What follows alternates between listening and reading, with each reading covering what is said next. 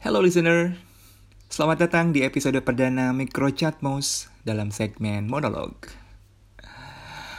Uh, hari ini saya lagi di Bali, tanggal 23 ya sekarang tanggal 20. 3 Februari 2021. Wah wow, udah gak kerasa ya, udah bulan kedua di tahun 2021.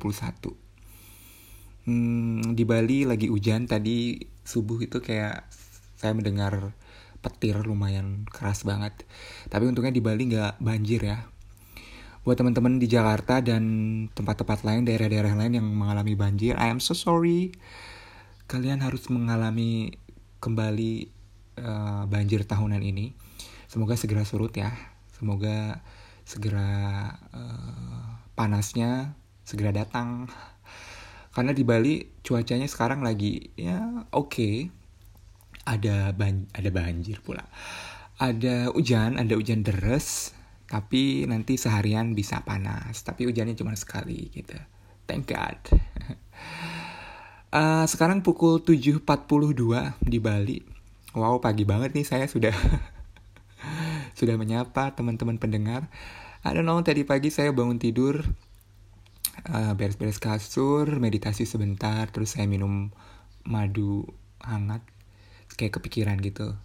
I think I need make my very first podcast di Micro Chatmos hmm, sepertinya saya hari ini akan membahas sebuah topik tentang uh, mungkin topik ini buat sebagian orang tuh kayak belum terlalu penting untuk dibahas tapi tadi pagi saya kayak mendapatkan inspirasi gitu. Oke saya harus membicarakan topik ini mental health. Oke, okay, uh, entah entah kalian sadar atau enggak, tapi mungkin coba deh kalian perhatikan. Kalau misalnya ada orang-orang di sekitar kita yang mengalami depresi, biasanya orang-orang lain di sekitarnya itu langsung ngejudge, ya kan? Kayak dari mereka tuh kayak banyak mencibir gitu dengan kata-kata yang aduh, nggak banget deh Kayak misalnya, ah lo mah kurang ibadah. Atau makanya banyak banyakin bersyukur. Atau ada lagi yang paling nyebelin, e, sholat gih makanya lo tuh kurang sholat atau nggak pernah ke gereja. Pokoknya banyak deh kata-kata lain yang alih-alih membantu si penderita malah makin bikin drop. Alhasil kan mental awareness akan mental health di Indonesia itu rendah sekali ada perasaan malu, takut dijudge, takut dikira gila lah, dan masih banyak lagi stigma yang dilabelkan kepada penderita. Ya akibatnya kan buat uh, buat sebagian orang pada akhirnya uh, buat sebagian orang yang mengalami gangguan mental tersebut itu mereka akan merasa takut, teragu, or at some point they don't know how to ask for help. Padahal kan kesehatan mental itu sama pentingnya dengan kesehatan fisik. Bahkan penyakit fisik yang dialami oleh seseorang sebagian besar karena ya kesehatan mentalnya tuh nggak stabil. Tadi pagi saya sedikit research nih teman-teman. Jadi berdasarkan data WHO tahun 2018, depresi itu merupakan gangguan jiwa yang paling sering terjadi dan menjadi salah satu penyebab utama disabilitas. Ada lebih dari 300 juta penduduk dunia mengalami depresi. Terus uh, masalah kejiwaan lainnya yang sering terjadi itu bipolar. Di mana sekitar lebih dari 60 juta penduduk dunia mengalami gangguan kejiwaan ini. Anyway, uh, saya punya sih beberapa temen yang bipolar. They are doing great.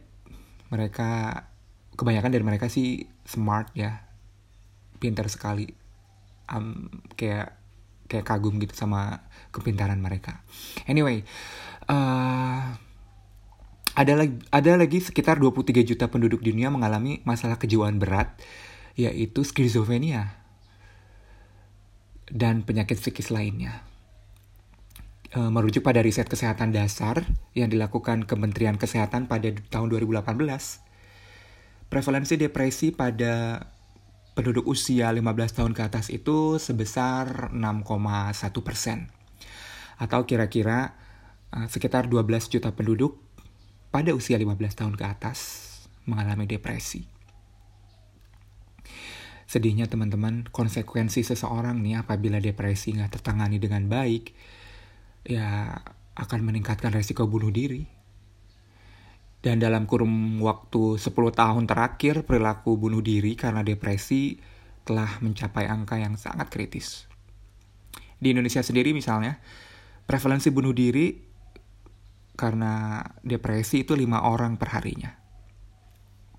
Secara global, WHO menyebutkan lebih dari 800 ribu orang meninggal setiap tahunnya atau sekitar satu orang setiap 40 detik mereka bunuh diri. Menyedihkan ya. Tapi kabar baiknya sih depresi itu bisa disembuhkan. Depresi itu bukanlah sebuah penyakit yang gak ada obatnya kayak HIV, eh, kanker, tumor, you name it. Gak ada. Jadi depresi itu bukan sebuah penyakit yang berat gitu yang gak ada obatnya. It's all on your mind. Dan bicara soal depresi, saya ingin berbagi cerita tentang saya pernah mengalami depresi dan saya ingin berbagi cerita kepada teman-teman bagaimana saya berperang melawan depresi, anxiety, dan panic attack. Oke, okay. hmm, saya rasa kita semua setuju ya bahwa manusia itu pernah berada dalam titik nadir di hidupnya. Jadi pada tiga bulan terakhir nih di pengunjung tahun 2020 kemarin, untuk kesekian kalinya saya mengalami titik nadir tersebut. Masalah datang bertubi-tubi dari mulai masalah kesehatan, terutama masalah kesehatan ya pada saat itu. Saya sakit kepala terus-terusan selama tiga bulan. Kemudian eh, masalah pekerjaan, tekanan keluarga, trauma masa kecil yang dibawa hingga dewasa yang pada akhirnya menarik saya pada sebuah rabbit hole, depresi, anxiety, dan panic attack. Setiap kali, setiap hari saya berada di dalam kamar sendirian, pikiran saya negatif, pikiran negatif saya menggelinding seperti bola salju.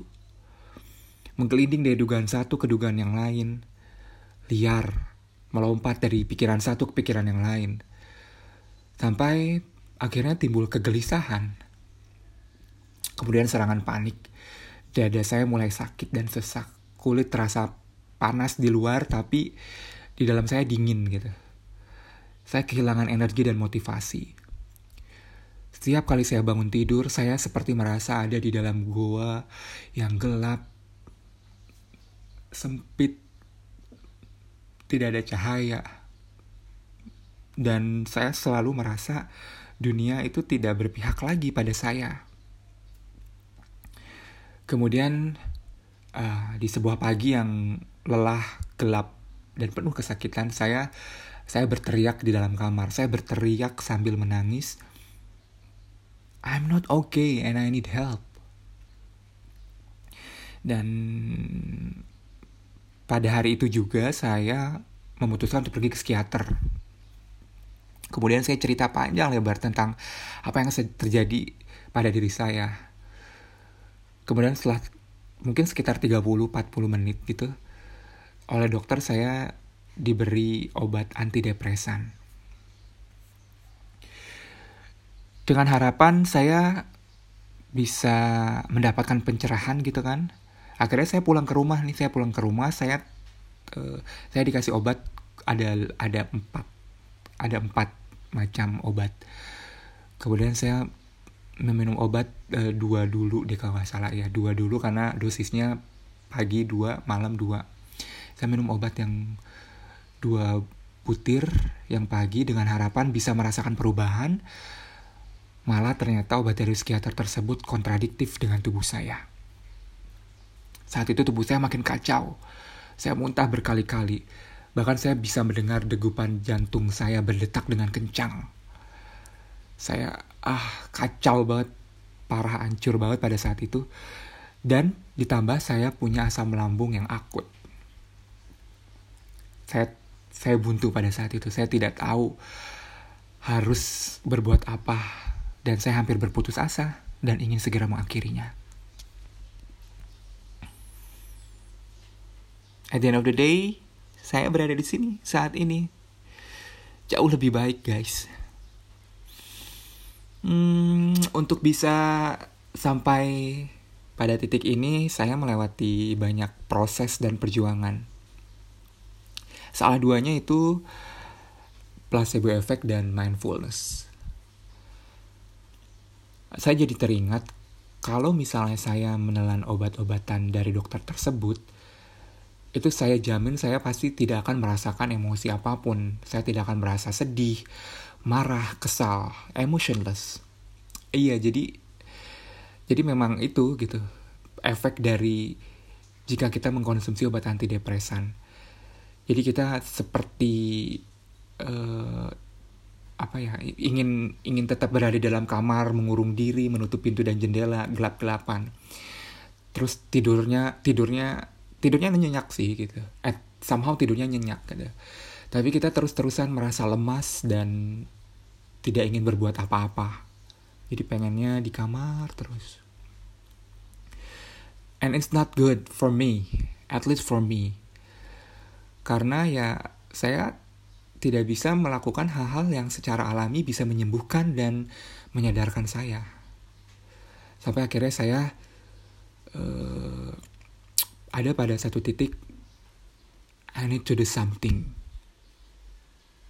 tanpa perlu obat-obatan yaitu placebo effect jadi teman-teman placebo effect itu uh, adalah sebuah sebuah tindakan biasanya dilakukan oleh tenaga medis dengan cara memberikan obat kosong atau ya memberikan obat kosong yang biasanya obat kosong ini berisi kayak serbuk laktosa yang tidak memiliki khasiat atau obat apa pun yang diberikan kepada pasien.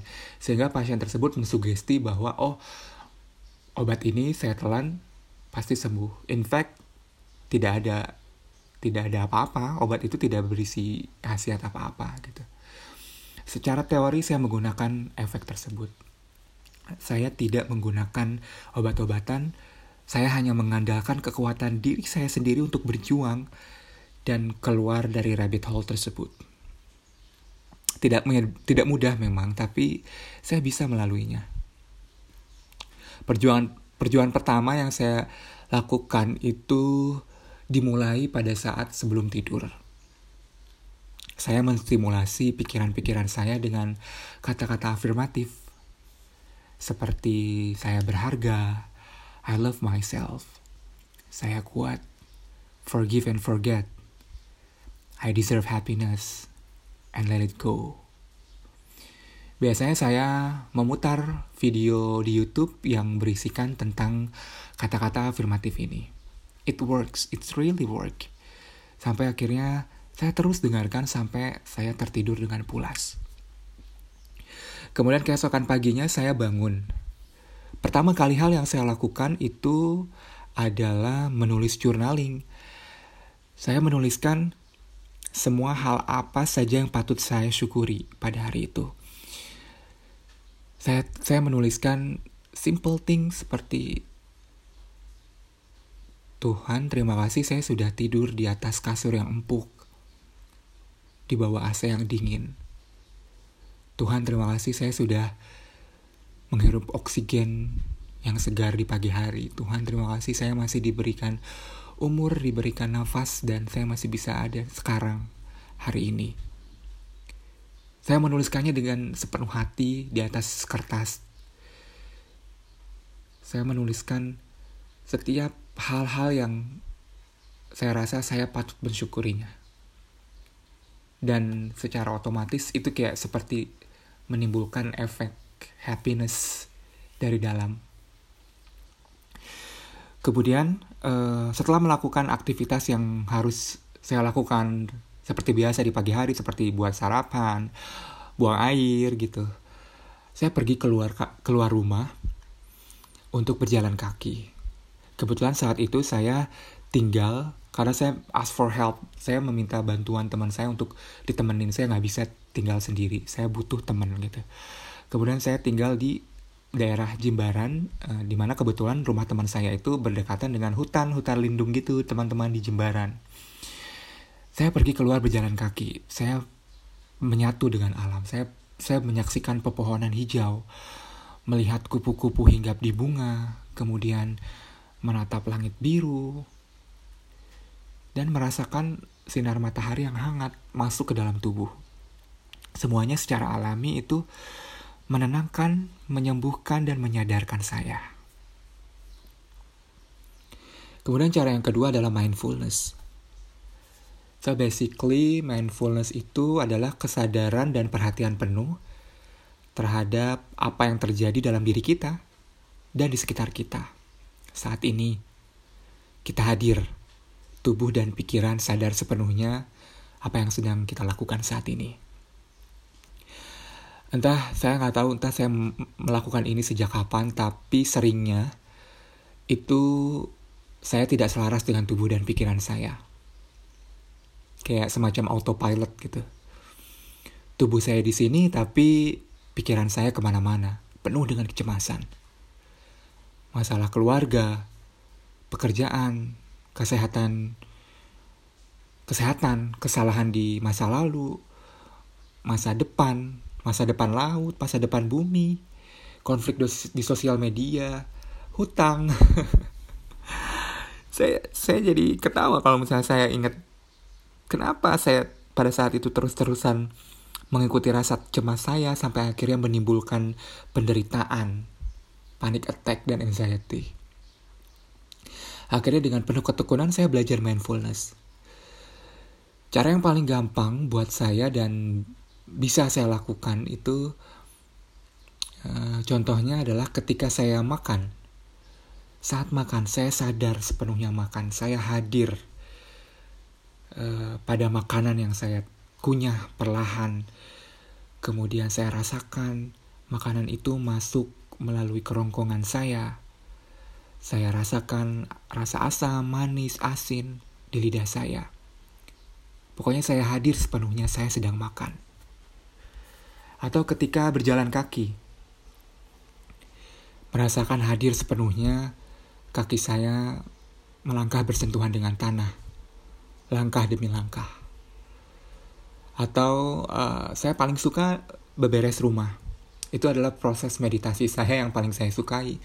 Karena saya hanya fokus membersihkan tempat tidur, menyapu, mengepel. Atau yang paling saya sukai itu mencuci piring. Sensasi dingin mm, yang menyentuh sensasi air yang dingin menyentuh tangan saya. Kemudian saya hanya fokus membersihkan piring yang kotor. It works. Dan mindfulness rasanya belum lengkap tanpa hadirnya meditasi. Meditasi itu merasakan hadirnya nafas dari hidung dan dikeluarkan melalui mulut atau bisa juga dengan hidung tergantung cara atau metode meditasi yang kalian lakukan. Mengutip uh, guru meditasi saya, Pak Merta Ade, mereka, uh, sorry, mereka pula. Uh, Pak Merta Ade itu uh, memetaforakan sebuah meditasi dengan security yang sedang menjaga pintu mall. Jadi security ini hanya fokus melihat atau memperhatikan orang-orang keluar masuk mall. Seperti halnya security yang memperhatikan orang-orang masuk dan keluar di mall, begitupun dengan meditasi. Kita, kita sebagai security, itu hanya fokus memperhatikan nafas masuk dan nafas keluar. Nafas masuk sadar, nafas keluar sadar. Nafas masuk, nafas keluar, sadar. Ya, walaupun tidak setiap hari, namun sebisa mungkin saya bermeditasi 10-15 menit dalam satu waktu. Seperti tadi, saya bangun tidur, meditasi 15 menit. Dan makanya tadi kayak langsung timbul epiphany gitu. Pencerahan, oh I think I need to make a podcast. Episode perdana ini. Anyway, uh, ya mungkin buat sebagian orang akan berbeda metode penyembuhan depresi ini. Tapi saya jamin 100% menyatu dengan alam itu akan sangat membantu kita untuk sembuh. ya apa pun itu metode yang dirasa menyembuhkan kita, sekalipun itu harus mengkonsumsi obat atau konsultasi terus-terusan ke psikolog atau psikiater, do it, please do it, and that's okay. Silakan lakukan asal kita harus bertekad kuat untuk bisa sembuh dan keluar dari kondisi tersebut. Kuncinya satu, tidak boleh menyerah. Karena kita kuat. Kita bukan apa yang kita pikirkan. Teruslah bertahan dan tetap semangat. Suatu saat nanti, saya percaya siapa pun kalian yang mengalami depresi, anxiety, panic attack, itu bisa keluar dari ruang gelap dan sesak. Kita akan berjalan perlahan menuju pintu, lalu menemukan kembali cahaya yang terang. Seperti saya sekarang hadir saat ini jauh lebih baik. Walaupun melewati banyak proses, tapi saya bisa melaluinya. Walaupun ada pada satu waktu saya akan merasa timbul pikiran negatif, tapi setidaknya saya punya trik atau cara sendiri untuk overcome sehingga tidak menimbulkan depresi, anxiety, dan panic attack. Thank God. Terima kasih teman-teman sudah mendengarkan episode perdana saya. Uh, sampai jumpa di episode berikutnya ya di segmen monolog atau mungkin berdiskusi mengundang tamu yang akan saya korek-korek isi kepalanya. Thank you teman-teman, stay safe dan tetaplah jaga keselamatan.